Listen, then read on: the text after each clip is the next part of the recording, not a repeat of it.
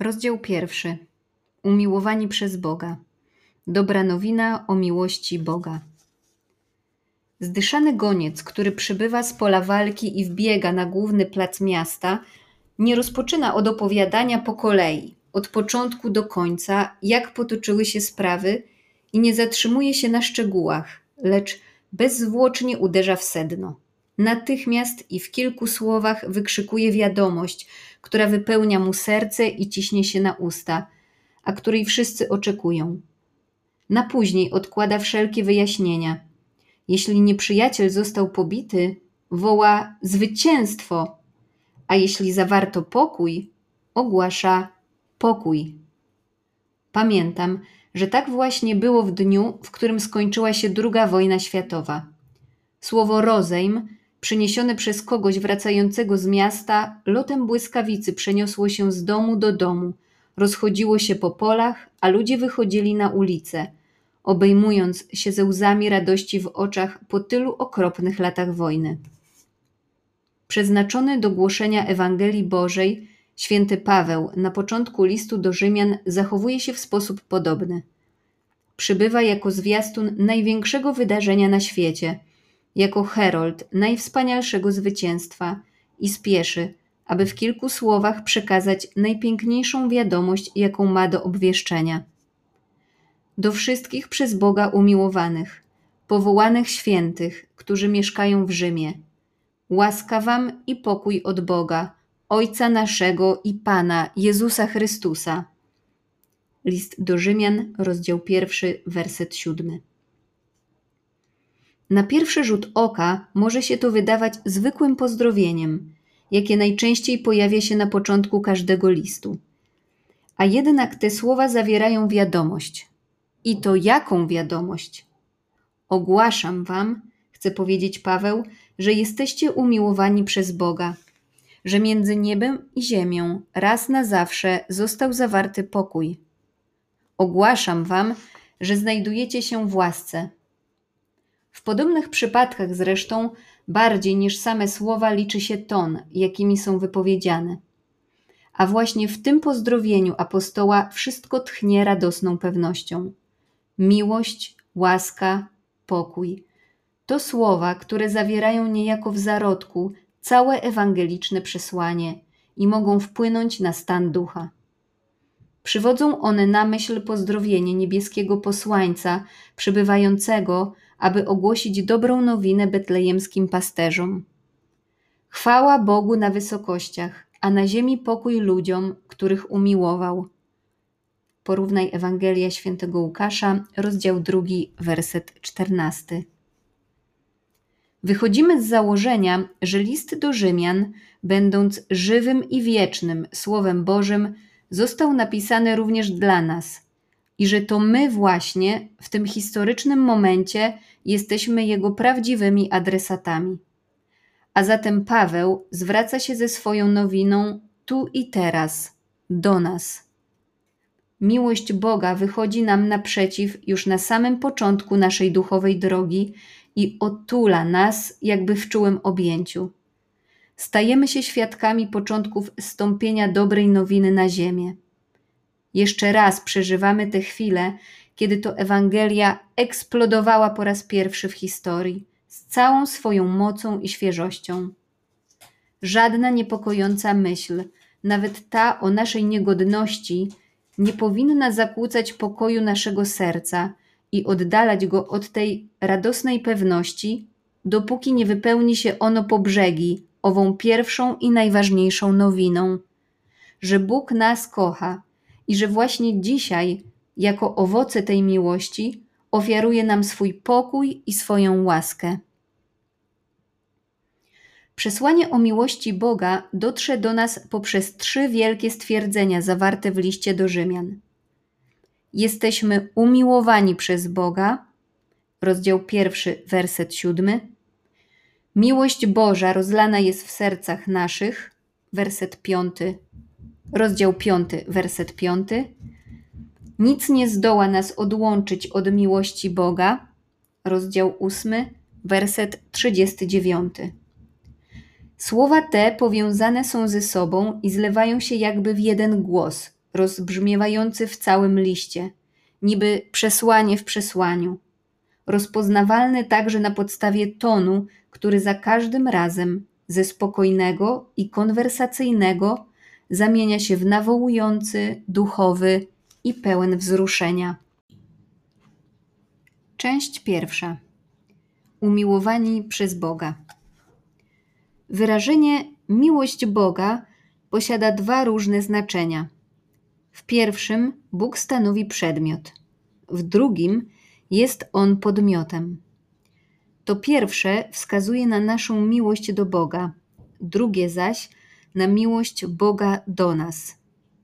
Ludzki rozum, z natury skłonny bardziej do bycia aktywnym niż pasywnym, dawał zawsze pierwszeństwo temu pierwszemu znaczeniu, to znaczy obowiązkowi kochania Boga. Także chrześcijańskie kaznodziejstwo często wybierało tę drogę, mówiąc w niektórych epokach niemal wyłącznie o przykazaniu miłości Boga i o stopniach tej miłości. A jednak objawienie daje pierwszeństwo temu drugiemu znaczeniu miłości Bożej, a nie miłości do Boga. Arystoteles napisał, że Bóg porusza światem, o ile jest kochany, czyli o ile jest przedmiotem miłości i ostateczną przyczyną wszystkich stworzeń. Lecz Biblia mówi coś zupełnie przeciwnego. Bóg stwarza świat i wprawia go w ruch, ponieważ On sam kocha świat. Najważniejszą zatem rzeczą w kwestii miłości Boga nie jest to, że człowiek kocha Boga, ale że to, że Bóg pierwszy umiłował człowieka. W tym przejawia się miłość, że nie my umiłowaliśmy Boga, ale że On sam nas umiłował. Pierwszy list świętego Jana, rozdział czwarty, werset dziesiąty. Naszym zadaniem w tej medytacji będzie przywrócenie porządku objawionego przez Słowo Boże, powrót do postawienia daru przed przykazaniem oraz do rozpoczynania każdego głoszenia od tej wstrząsającej nowiny o tym, że Bóg nas kocha. Od niej bowiem zależy wszystko, nie wyłączając samej naszej możliwości kochania Boga. My miłujemy Boga, ponieważ Bóg sam pierwszy nas umiłował. Pierwszy list świętego Jana, rozdział czwarty, werset dziewiętnasty. Nasz duch charakteryzuje się tym, że zwykle powinien długo pozostawać pod działaniem jakiejś myśli, aby zostawiła ona w nim długotrwały ślad. Nic z tego, co przechodzi przezeń przelotnie, nie pozostaje w nim naprawdę, ani go nie przemienia. Musimy więc teraz wystawić się na działanie myśli o Bożej miłości, jak Ziemia każdego dnia wystawia się na działanie Słońca, by otrzymać od niego światło, ciepło i życie. Nie może się to dokonać inaczej, jak tylko przez radzenie się Bożego objawienia. Bo kto inny mógłby nas zapewnić o tym, że Bóg nas kocha, jeśli nie sam Bóg? Cała Biblia, zauważa święty Augustyn, opowiada jedynie o miłości Boga. Jest nią, by tak rzec, brzemienna. Jest to, to nowina, która podtrzymuje i wyjaśnia wszystkie pozostałe.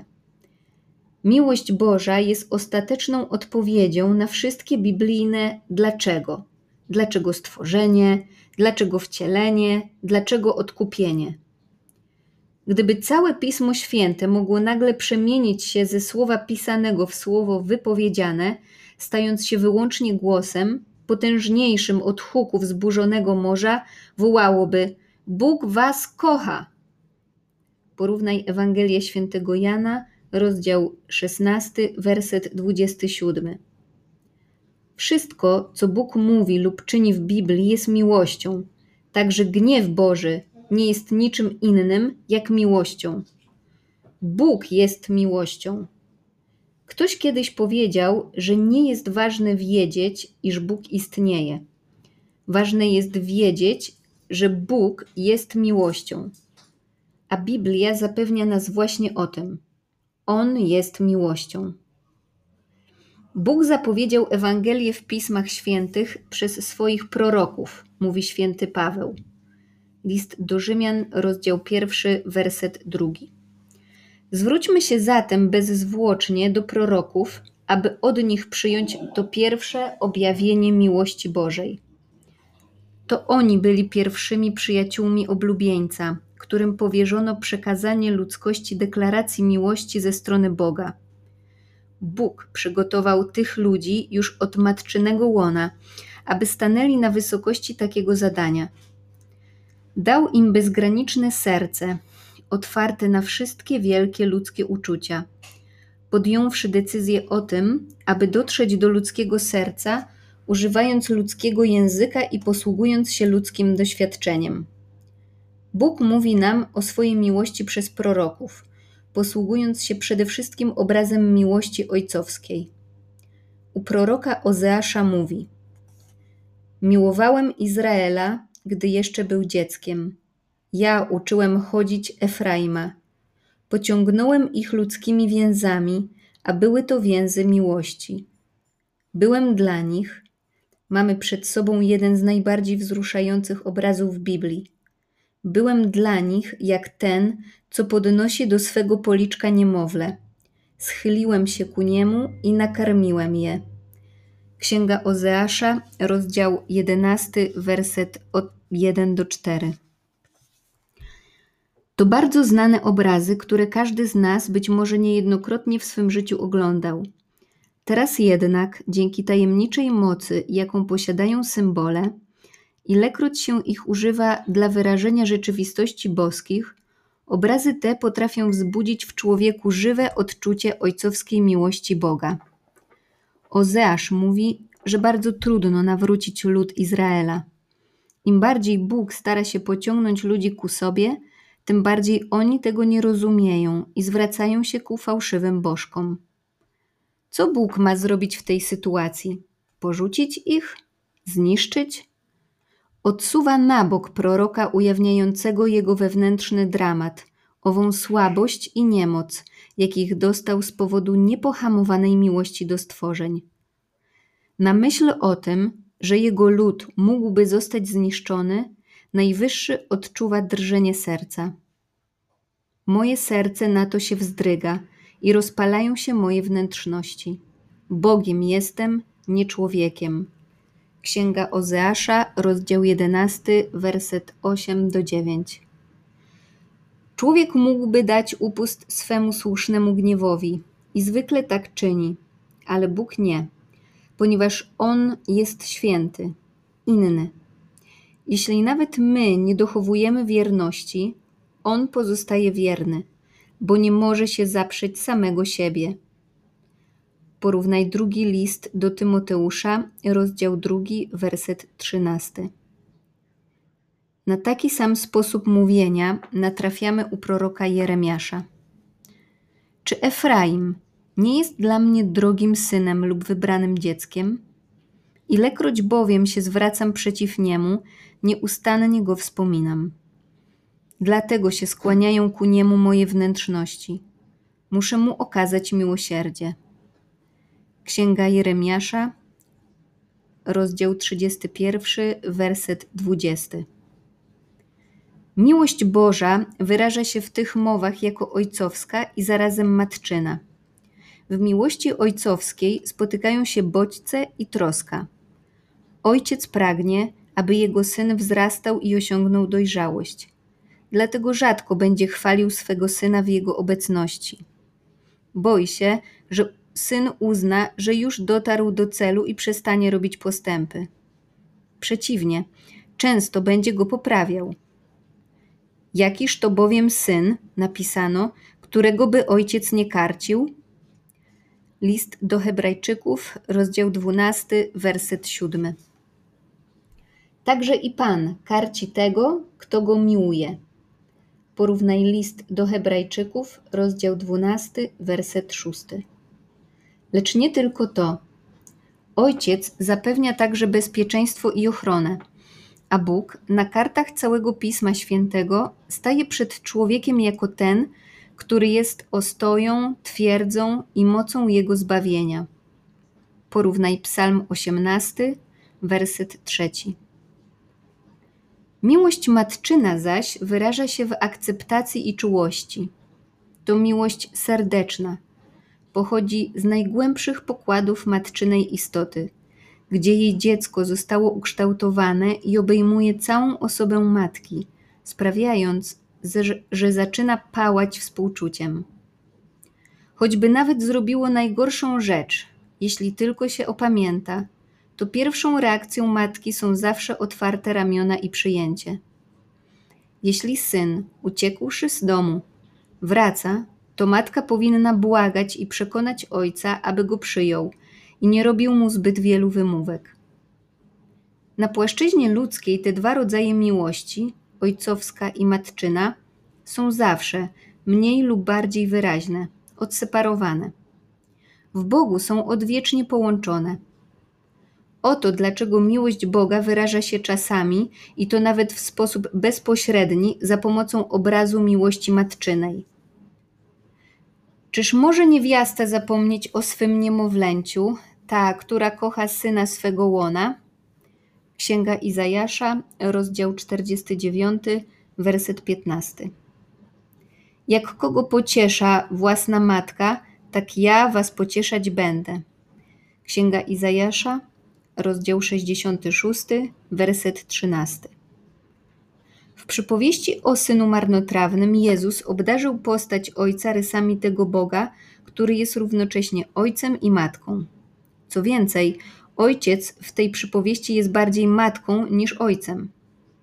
Pewien starożytny autor pisał: Nie widzisz, jaka wielka zachodzi różnica pomiędzy rodzicielską czułością ojców i matek? Ojcowie zaraz z rana każą budzić swe dzieci, aby je wysłać do pracy. Nie pozwalają im wypocząć nawet w święta. Wyciskają z nich poty, a nierzadko i łzy. A matki tulą swe dzieci do łona, pragną je osłonić swym cieniem. Chcą, aby nigdy nie zaznały, co to jest smutek, aby nigdy łza nie spłynęła im z oczu, aby nigdy nie zginały się w pracy. Lecz podczas gdy Bóg tego pogańskiego filozofa ma dla ludzi tylko oblicze Ojca, który kocha nie okazując słabości, Bóg biblijny posiada także duszę matki, która kocha ze słabością. Człowiek zna z doświadczenia inny rodzaj miłości, o której się mówi, że jest potężna jak śmierć, a żar jej to żar ognia. Porównaj pieśń nad pieśniami, rozdział 8, werset 6. I również do tego rodzaju miłości Bóg odwołał się w Piśmie Świętym, aby ukazać nam swoją namiętną miłość do nas. Wszystkie etapy i koleje miłości oblubieńczej zostały przywołane i użyte w tym celu. Czar miłości w chwili jej narodzin i w okresie narzeczeństwa. Porównaj Księga Jeremiasza, rozdział drugi, werset drugi. Pełnia radości w dniu zaślubim, Porównaj Księga Izajasza, rozdział 62, werset 5. Dramat zerwania. Porównaj Księga Ozeasza, rozdział 2, werset 4. I wreszcie pełne nadziei odrodzenie dawnego związku. Porównaj Księga Ozeasza, rozdział 2, werset 16. Księga Izajasza, rozdział 54, werset 8. Miłość oblubieńcza jest głównie miłością pragnienia. Dlatego, jeśli jest prawdą, że człowiek pragnie Boga w sposób tajemniczy, jest prawdą także to, że Bóg pragnie człowieka. Jedną z cech charakterystycznych miłości oblubieńczej jest zazdrość, i rzeczywiście Biblia bardzo często stwierdza, że Bóg jest Bogiem zazdrosnym. Porównaj Księga Wyjścia, rozdział 20, werset 5 Księga Powtórzonego Prawa, rozdział 4, werset 24, Księga Ezechiela, rozdział 8, werset 3 do 5. W człowieku zazdrość jest oznaką słabości. Człowiek zazdrosny boi się o siebie. Lęka się tego, że ktoś inny, silniejszy niż on, mógłby odebrać mu serce ukochanej przez niego osoby. Bóg nie boi się o siebie, ale o swoje stworzenie. lęka się nie o swoją słabość, ale o słabość swojego stworzenia. Wie o tym, że oddając się w ręce bożków, wydaje się ono kłamstwu i nicości. Bałwochwalstwo we wszystkich swoich formach jest straszliwym rywalem Boga w całym Piśmie Świętym. Bożki są fałszywymi kochankami. Porównaj Księga Ozeasza, rozdział drugi, werset siódmy, Księga Jeremiasza, rozdział drugi, werset czwarty, Księga Ezechiela, rozdział szesnasty. Zazdrość Boga jest oznaką miłości i gorliwości, nie zaś braku doskonałości. Objawiając swą miłość, Bóg ujawnia jednocześnie także swoją pokorę, bo to On właśnie poszukuje człowieka, ustępuje, przebacza i jest niezmiennie gotowy do rozpoczynania od nowa. Zakochanie się jest zawsze aktem pokory. Kiedy młody człowiek na kolanach, jak to kiedyś bywało, prosi o rękę dziewczyny, dokonuje najbardziej radykalnego w swym życiu aktu pokory. Staje się żebrakiem. To tak, jakby mówił: Daj mi także Twoje istnienie, bo moje mi nie wystarcza. Nie wystarczam już samemu sobie. Lecz Bóg, dlaczego się zakochuje? Dlaczego się upokarza? Czyż także i on czegoś potrzebuje? Nie, wprost przeciwnie. Jego miłość jest czystą bezinteresownością. Kocha nie po to, aby siebie dopełnić, ale by dopełnić przedmiot swojej miłości. Nie po to, by się zrealizować, ale by zrealizować tego, kogo miłuje. Bóg kocha, ponieważ dobro pragnie się rozlewać. To jedyna w swoim rodzaju i niepowtarzalna cecha miłości Bożej. Bóg kochając nie stara się nawet o własną chwałę, albo jeszcze lepiej, poszukuje wprawdzie własnej chwały, ale tą chwałą nie jest nic innego jak bezinteresowna miłość do człowieka. Chwałą Boga jest człowiek żyjący, mówi święty Ireneusz. Tenże święty pozostawił nam też wspaniały fragment na temat darmowości miłości Bożej, nad którą Kościół do dzisiaj nieprzerwanie medytuje w liturgii godzin. Bóg nie zabiegał o przyjaźń Abrahama dlatego, że jej potrzebował, ale dlatego, że będąc dobrym, chciał obdarować Abrahama życiem wiecznym, ponieważ przyjaźń Boga daje niezniszczalność i życie wieczne. Tak samo na początku Bóg nie stworzył Adama dlatego, że potrzebował człowieka, ale po to, aby mieć kogoś, na kogo mógłby wylać swoje dobrodziejstwa. Obdarza dobrem tych, którzy mu służą i tych, którzy za nim idą, z tego tylko powodu, że za nim podążają, lecz nie otrzymuje z ich strony żadnego dobrodziejstwa, ponieważ jest doskonały i niczego nie potrzebuje przygotowywał proroków, aby przyzwyczaić człowieka na ziemi do noszenia w sobie jego ducha i do przyjęcia daru wspólnoty z Bogiem. On, który niczego nie potrzebuje, ofiarował zjednoczenie ze sobą samym, ze sobą tym, którzy potrzebowali Jego. Bóg kocha, ponieważ jest miłością. Ukazuje w ten sposób swoją darmową konieczność oraz konieczną darmowość. Wobec niezgłębionej tajemnicy tej Bożej miłości zrozumiałe jest zdumienie psalmisty, który pyta: Lecz czym jest człowiek, o Boże, że o nim pamiętasz, i czym syn człowieczy, że troszczysz się o niego? Porównaj Psalm 8, werset 5. Część druga. Miłość Boża rozlana jest w naszych sercach. Na początku piątego rozdziału listu do Rzymian święty Paweł pisze: Dostąpiwszy więc usprawiedliwienia przez wiarę, zachowajmy pokój z Bogiem przez Pana naszego Jezusa Chrystusa, dzięki któremu uzyskaliśmy przez wiarę dostęp do tej łaski, w której trwamy i chlubimy się nadzieją chwały Bożej. Ale nie tylko to, lecz chlubimy się także z ucisków, wiedząc, że ucisk wyrabia wytrwałość a wytrwałość wypróbowaną cnotę, wypróbowana cnota zaś nadzieję. A nadzieja zawieść nie może, ponieważ miłość Boża rozlana jest w sercach naszych przez Ducha Świętego, który został nam dany. List do Rzymian, rozdział 5, werset 1 do 5. To jest właśnie ta wielka nowina, którą apostoł zapowiadał we wstępnym pozdrowieniu. Powracają w tym miejscu owe trzy słowa z jego pozdrowienia: miłość, pokój i łaska. Dodatkowo jednak wskazuje się tym razem na źródło tego wszystkiego usprawiedliwienie przez wiarę w Chrystusa. Również teraz, bardziej niż o teologicznych ideach, apostoł pragnie nam mówić raczej o swoim stanie ducha, przekazać nam świadomość stanu łaski, w którym się znajdujemy. Raz jeszcze mamy do czynienia z mówieniem o rzeczach wielkich, duchowych. Jednak następuje także zmiana jakościowa. Nie mówi się już, że jesteśmy umiłowani przez Boga, ale że miłość Boża została wręcz rozlana w naszych sercach. Wyrażenie umiłowani przez Boga w pozdrowieniu nie odnosi się więc jedynie do przeszłości. Nie jest tylko tytułem, który Kościół odziedziczył po Izraelu. Odnosi się do wydarzeń niedawnych, mówi o rzeczywistości nowej i wciąż się dokonującej. U zarania tej nowej rzeczywistości znajduje się Jezus Chrystus.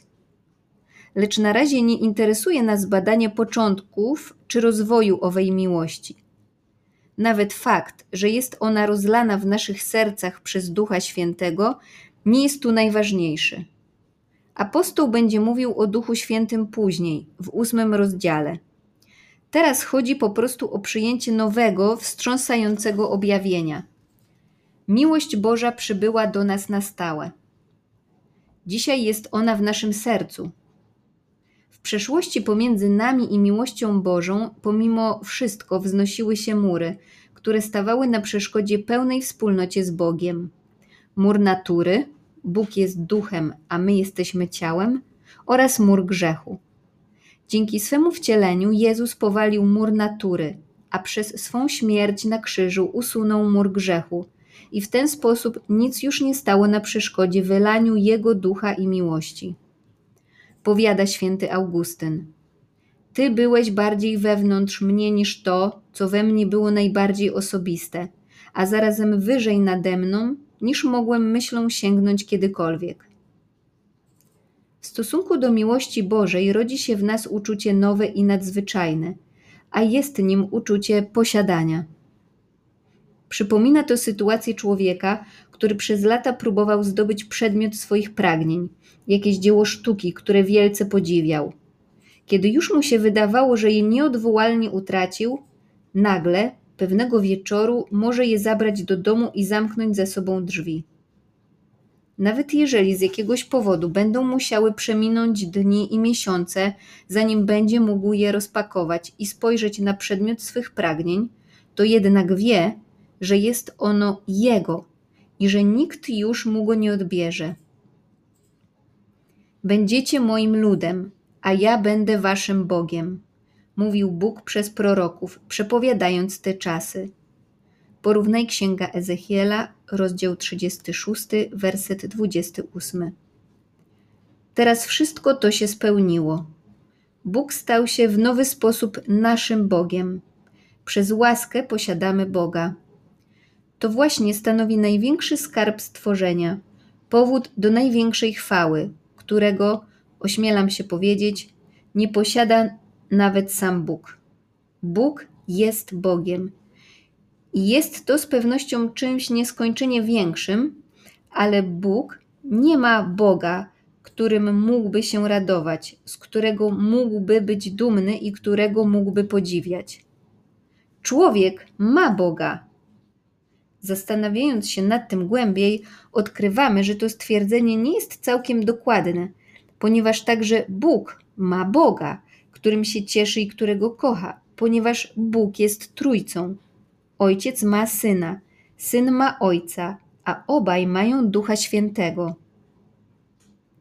Aby właściwie ocenić różnicę istniejącą między tym nowym stanem a tamtym sprzed przyjścia Chrystusa, należałoby doświadczyć jednego i drugiego, a więc żyć najpierw w rzeczywistości Starego Testamentu, a następnie Nowego Testamentu.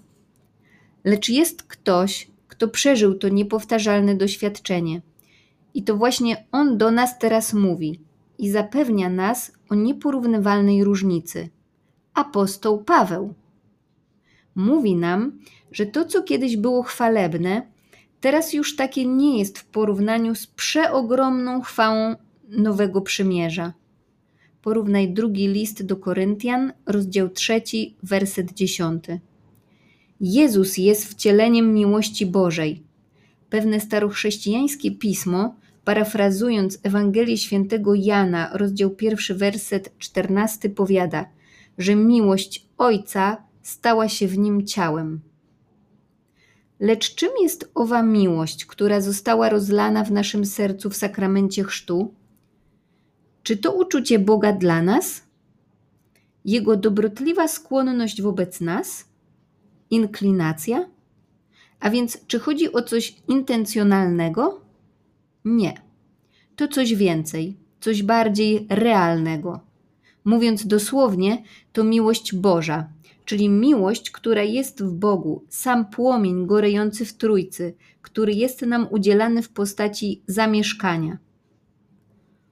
Ojciec mój umiłuje go i przyjdzie do niego i będziemy u niego przebywać. Ewangelia świętego Jana, rozdział 14, werset 23. Stajemy się uczestnikami boskiej natury, to znaczy uczestnikami miłości Bożej, ponieważ Bóg jest miłością. Miłość jest po prostu Jego naturą.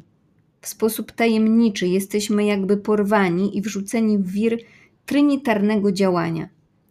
Zostajemy wciągnięci w nieustający ruch wzajemnego darowania siebie i otrzymywania przez Ojca i Syna, z których radosnego objęcia pochodzi Duch Święty, niosący ku nam iskrę tego ognia miłości. Dusza, która doświadczyła owej łaski, tak o tym mówi. Pewnej nocy odczułam wielką czułość Ojca, która otuliła mnie swoją słodką i delikatną pieszczotą. Będąc poza sobą, uklękłam na ziemi, skulona w ciemności, z sercem, które mi mocno biło, całkowicie zdałam się na Jego wolę. A Duch wprowadził mnie w tajemnicę miłości trinitarnej.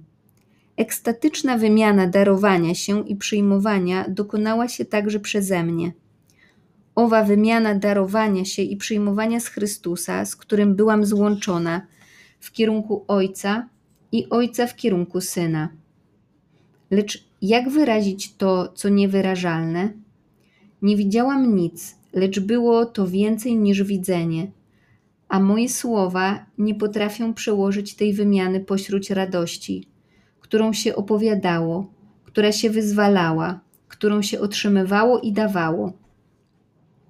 A z tej wymiany płynęło tętniące życie jednego ku drugiemu – jak ciepłe mleko z piersi matki do ust dziecka lgnącego do jego dobrobytu.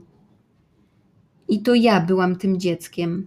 To było całe stworzenie, które uczestniczy w życiu, w królestwie, w chwale, odkąd zostało odrodzone przez Chrystusa. Otworzywszy Pismo Święte, przeczytałam: Bo we wszystkim jest Twoje nieśmiertelne tchnienie. Księga Mądrości, rozdział 12, werset pierwszy. O święta i żyjąca Trójco! Pozostawałam jakby poza sobą przez dwa lub trzy dni i jeszcze dzisiaj to doświadczenie trwa we mnie mocno wyryte.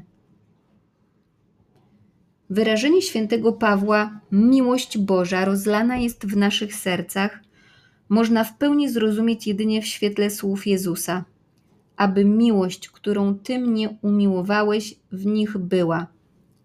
Ewangelia świętego Jana, rozdział 17, werset 26. Miłość, która została w nas rozlana, jest tą samą miłością, którą Ojciec od zawsze miłuje Syna. Jest wylewającą się w naszym kierunku, przeobfitą Bożą miłością Trójcy Świętej. Bóg udziela duszy tej samej miłości, której udziela Synowi, chociaż nie dokonuje się to na mocy natury, tak jak w przypadku syna, lecz przez zjednoczenie. Dusza uczestniczy w Bogu, dokonując wraz z Nim dzieła Najświętszej Trójcy. Ma to miejsce już teraz, a kiedyś w życiu wiecznym będzie największym źródłem naszej szczęśliwości. Cóż daje dziecku większą radość i pewność niż to, że tata i mama kochają się nawzajem? Ma to dla niego większe znaczenie niż fakt, że ono samo jest kochane przez oboje. Ojciec i matka mogą, każdy z osobna, bardzo kochać swoje dziecko, lecz jeśli nie kochają się nawzajem, a to niestety zdarza się dosyć często, nic nie może zapobiec temu, aby ich dziecko w głębi duszy nie było nieszczęśliwe i niepewne miłości. Dziecko nie chce być kochane miłością różną i odrębną, lecz pragnie być dopuszczone do miłości, którą ojciec i matka kochają się wzajemnie, wiedząc, że z niej wzięło swój początek. A oto wielkie objawienie. Osoby Trójcy Świętej miłują się nawzajem miłością nieskończoną i przyjmują nas do swego grona, byśmy się ich miłością radowali. Dopuszczają nas do uczty życia, nasycają swoich wybranych obfitością swego domu, poją ich potokiem swych rozkoszy. Porównaj Psalm 36, werset 9. Teologiczna zasada, według której łaska jest zaczątkiem chwały w nas, właśnie to chce powiedzieć, że my już teraz, przez wiarę i na sposób pierwocin, posiadamy to, co będziemy posiadać kiedyś, w wizji i pełni, w życiu wiecznym, to znaczy miłość Bożą. W Starym Testamencie Bóg powoływał proroków, aby podtrzymywali oczekiwanie na te rzeczywistości. A dzisiaj w Kościele powołał świętych, aby podtrzymywali pamięć o nich. Święci, a w sposób szczególny mistycy, mają przede wszystkim takie oto zadanie: mówić nam o miłości Bożej i pomóc nam ujrzeć choćby cząstkę z rzeczywistości, która jest jeszcze przed naszymi oczami zakryta. O tym, że zostaliśmy stworzeni z i dla miłości, nikt nie potrafiłby nas przekonać lepiej niż święta Katarzyna ze Sieny w swojej żarliwej modlitwie do Trójcy. Dlaczego zatem, Ojcze Niebieski, stworzyłeś człowieka? Bardzo mnie to dziwi. Widzę, bo Ty mi pokazujesz, że nie uczyniłbyś tego, gdybyś nie ujrzał w swej świętości, że ogień miłości zmusza Cię do obdarzenia nas bytem, pomimo wszystkich nieprawości, jakie mieliśmy potem wyrządzić Tobie, Ojcze i Stworzycielu. Tak więc, to ten właśnie ogień Cię zmusił. Niewysłowiona miłości, w swojej światłości widziałeś wyraźnie wszystkie niecne uczynki, jakimi stworzenia miały obrazić Twą nieskończoną dobroć. Zdawałeś się tego nie zauważać, lecz zwróciłeś swój wzrok na piękno stworzenia, zapatrzyłeś się weń i pokochałeś do szaleństwa. Upojony miłością samego siebie wydobyłeś stworzenie i dałeś mu byt na swój obraz i podobieństwo. Ty, wiekuista prawdo, objawiłeś mi Twoją prawdę. Powiedziałeś mi, że miłość zmusiła Cię do stworzenia człowieka. Nie muszę więc szukać poza sobą dowodów na to, że Bóg mnie kocha. Ja sam jestem na to dowodem. Moje istnienie, samo w sobie, jest darem. Patrząc na siebie w wierze, możemy powiedzieć: Istnieję, a więc jestem kochany. Chrześcijanin wie, że być oznacza być kochanym. Gabriel Marcel. Jak wiadomo, nie wszyscy w ten sposób interpretują stworzenie. Urodziliśmy się przez przypadek, mówiono już w czasach biblijnych. Porównaj Księga Mądrości, rozdział drugi, werset drugi. W starożytności niektórzy uważali świat za dzieło rywala Boga lub jakiegoś niższego Boga, demiurga, czy też rezultat konieczności lub przypadku w boskim świecie. Bóg miałby stworzyć świat z nadmiaru energii, a nie miłości, jak gdyby był przepełniony własną mocą, która nie mieściła się sama w sobie. Zdarzają się jeszcze dzisiaj ludzie, którzy istnienie człowieka i rzeczy uważają za wynik nieznanych praw kosmicznych. Niektórzy nawet widzą w nim potępienie, niejako wyrzucenie w egzystencję. Odkrycie istnienia, które w świętej Katarzynie ze Sieny wzbudziło zdumienie i zachwyt, w tej ostatniej perspektywie, w ateistycznym egzystencjalizmie, powoduje jedynie mdłości. Święci nie mówią rzeczy nowych, ale mają dar mówienia w sposób nowy i niepowtarzalny o rzeczach odwiecznych i prawdziwych. Jeszcze innej kobiecie, współczesnej świętej Katarzynie ze Sieny, Bóg pewnego dnia ukazał w widzeniu mały przedmiot wielkości orzecha w zagłębieniu dłoni. Zostało jej objawione, że to, na co patrzyła, było całym stworzeniem, a kiedy pytała siebie, jak długo coś takiego mogło przetrwać, bo to przecież takie maleństwo i tak bardzo kruche, jakiś wewnętrzny głos jej odpowiedział: Ono trwa i trwać będzie, ponieważ Bóg je kocha. Tej samej mistyczce zawdzięczamy objawienie wciąż niedocenianego, a przecież niezaprzeczalnego aspektu biblijnej nauki o miłości Bożej, a mianowicie, że Bóg pierwszy raduje się z tego, że nas kocha. Wtedy ujrzałam, że Bóg cieszy się z tego, iż jest naszym Ojcem i jest zadowolony z tego, że jest naszą Matką i raduje się, bo jest naszym prawdziwym oblubieńcem, a dusza jest Jego oblubienicą. I Chrystus cieszy się z tego, że jest naszym bratem, i Jezus raduje się, bo jest naszym Zbawicielem.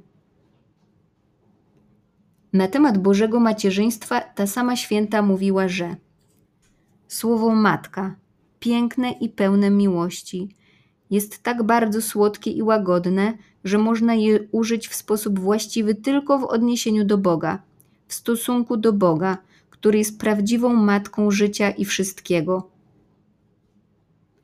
Do błogosławionej Anieli z Foligno Bóg powiedział te oto znane wszystkim słowa. Nie umiłowałem cię dla zabawy, nie ukochałem cię pozostając z daleka. Ty jesteś mną, a ja jestem tobą. Zostałaś uczyniona według tego, co mi przystoi. Jesteś najwyższa w moim majestacie. Czasami ona sama wyznawała, że wydawało się jej, iż znajduje się i spoczywa w łonie Trójcy. Powinniśmy zdać sobie sprawę z tego, że Bóg nie powołał tych dusz tylko po to, aby wzbudzić w nas zazdrość, jak gdyby chciał nam ukazać coś, czego w głębi serca każdy z nas pragnie nade wszystko, aby potem powiedzieć, że to nie dla nas. Dwóm lub trzem osobom w każdej epoce, wybranym i w tym celu przez Niego oczyszczonym, Bóg powierza zadanie przypominania o tym pozostałym ludziom.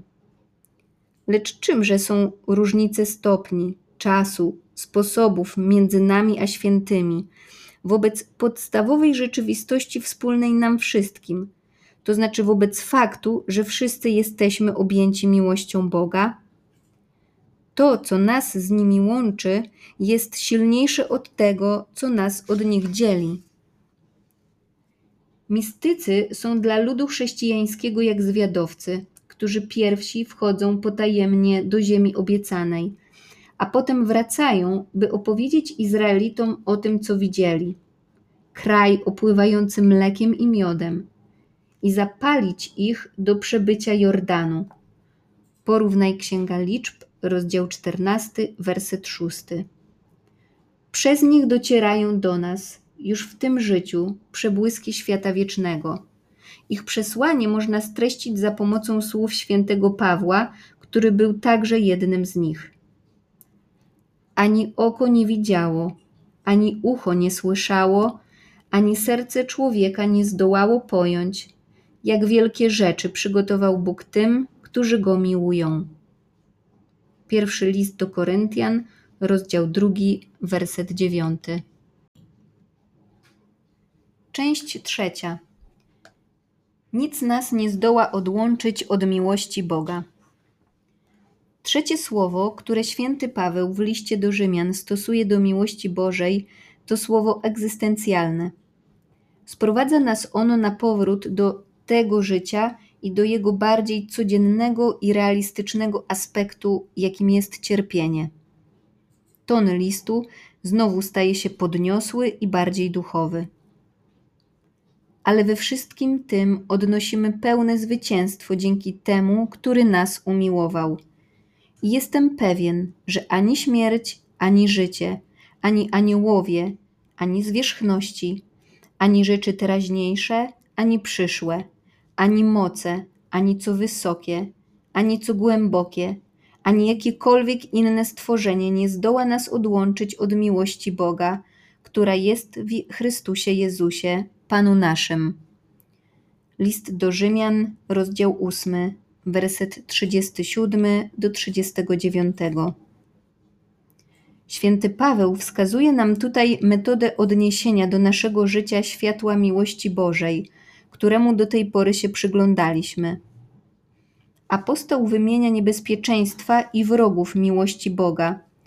To, czego sam w życiu doświadczył utrapienia, prześladowania, niebezpieczeństwa śmierci. Porównaj drugi list do Koryntian, rozdział 11, werset 23. Przypomina je sobie i wylicza, dochodząc na koniec do wniosku, że żadne z nich nie jest na tyle silne, aby ostać się wobec myśli o miłości Bożej. To, co wydawało się nie do pokonania, w tym świetle jest po prostu błahostką.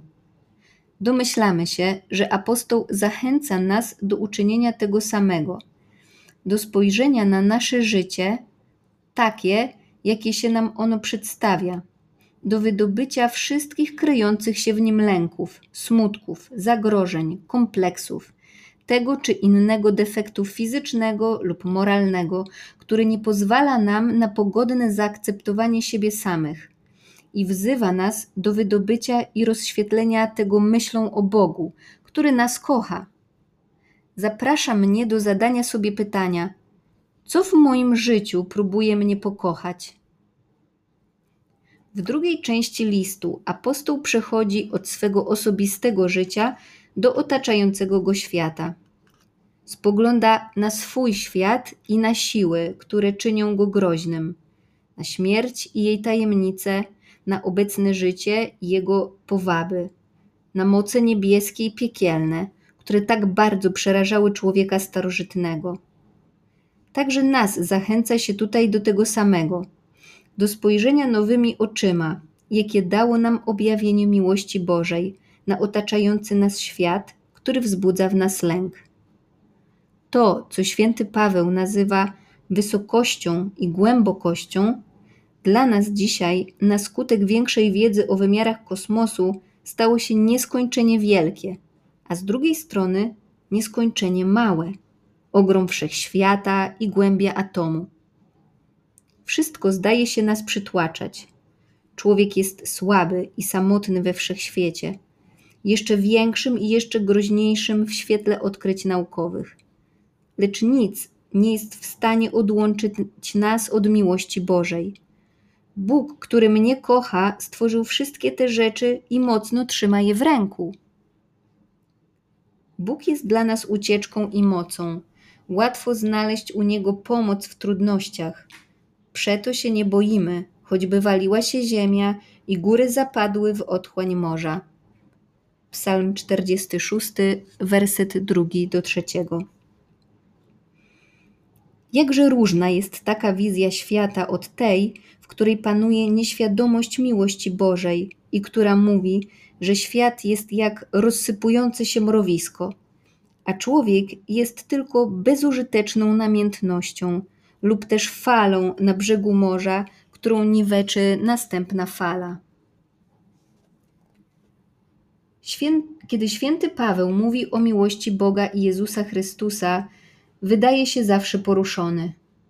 Umiłował mnie, powiada o Chrystusie i samego siebie wydał za mnie. List do Galatów, rozdział 2, werset 20.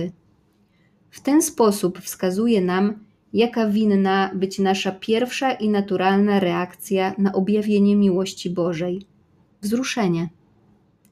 Jeśli jest szczere i pochodzi z serca, wzruszenie stanowi najwymowniejszą i najbardziej godną człowieka odpowiedź wobec objawienia wielkiej miłości lub też wielkiego cierpienia. Odpowiedź, która czyni wiele dobra temu, kto ją otrzymuje.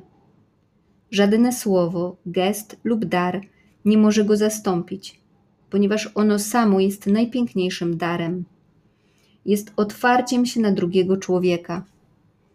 Dlatego w jakiś sposób się go wstydzimy, tak jak rzeczy najbardziej intymnych i najświętszych, w których osoba doświadcza prawdy, że nie należy już całkowicie do siebie, lecz przynależy do kogoś drugiego. Nie można całkowicie ukryć własnego wzruszenia, nie pozbawiając bliźniego czegoś, co do niego w pewien sposób należy, ponieważ zrodziło się dla niego. Jezus nie ukrywał swojego wzruszenia, użalił się nad wdową z Nain. Porównaj Ewangelia Świętego Łukasza, rozdział 7, werset 13. Ale wzruszenie przynosi dobro przede wszystkim nam samym, którzy w nowy sposób chcemy w swoim życiu przyjąć Słowo Boże. Jest ono bowiem jak orka poprzedzająca siew. Otwiera serca i rzeźbi w nim głębokie bruzdy, aby ziarło nie padło na udeptaną drogę. Kiedy Bóg chce komuś przekazać bardzo ważne dla jego życia słowo, zwykle daje mu także pewne wzruszenie po to, aby to słowo przyjął. A samo wzruszenie staje się z kolei znakiem, że dane słowo pochodzi od Boga. Błagajmy zatem Ducha Świętego o dar dobrego wzruszenia, wzruszenia niepowierzchownego, lecz głębokiego. Zawsze będę wspominał chwilę, kiedy również mnie na krótki czas dane było zaznać coś z tego wzruszenia. Podczas pewnego spotkania modlitewnego usłyszałem fragment Ewangelii, w którym Jezus mówi do swoich apostołów: Już was nie nazywam sługami, ale nazwałem was przyjaciółmi. Ewangelia świętego Jana, rozdział 15, werset 15. Słowo przyjaciółmi dotarło do mnie na poziomie do tej pory niedoświadczonym. Coś w głębi mnie zostało poruszone i już do końca dnia, pełen zdumienia i niedowierzania, powtarzałem w swym sercu: Nazwał mnie przyjacielem. Jezus z Nazaretu, Pan, mój Bóg, nazwał mnie przyjacielem. Jestem Jego przyjacielem. I wydawało mi się, że z tą pewnością w sercu można wzbić się w górę i przejść przez ogień. Także ja starałem się na tych stronicach spełnić rolę posłańca, który dotarłszy do jakiegoś miejsca, spieszy, aby przekazać najważniejszą wiadomość, jaką ma. Przede wszystkim zapragnąłem zawrzeć tutaj przesłanie o tym, że Bóg nas kocha. Niech rozbrzmiewa ono w czasie całej tej naszej wędrówki i w każdej chwili naszego życia jako swego rodzaju nieludzka, lecz boska intuicja. A kiedy także dla nas Słowo Boże stanie się surowe i zacznie nam wypominać grzechy, lub kiedy nasze własne serce zacznie nam je wyrzucać, jakiś głos powinien nieustannie powtarzać w naszym wnętrzu. Przecież Bóg mnie kocha. Nic mnie nie może odłączyć od miłości Boga, nawet mój grzech. Psalm 136 pomoże nam teraz zakończyć modlitwą tę refleksję na temat miłości Bożej, pobudzając nas w głębi serca do dziękczynienia. Nazywany jest wielkim Hallelem i recytował to także Jezus podczas ostatniej wieczerzy. To długa litania boskich tytułów i dzieł Boga na rzecz ludu Izraela, na które Izraelici odpowiadali refrenem: Bo Jego łaska na wieki. Możemy kontynuować ten psalm, dodając do wspomnienia dawnych dobrodziejstw Bożych także te nowe. Zesłał nam swojego Syna, dał nam swego Ducha, powołał nas do wiary, nazwał nas przyjaciółmi. I za każdym razem odpowiadać: bo Jego miłość do nas jest wieczna.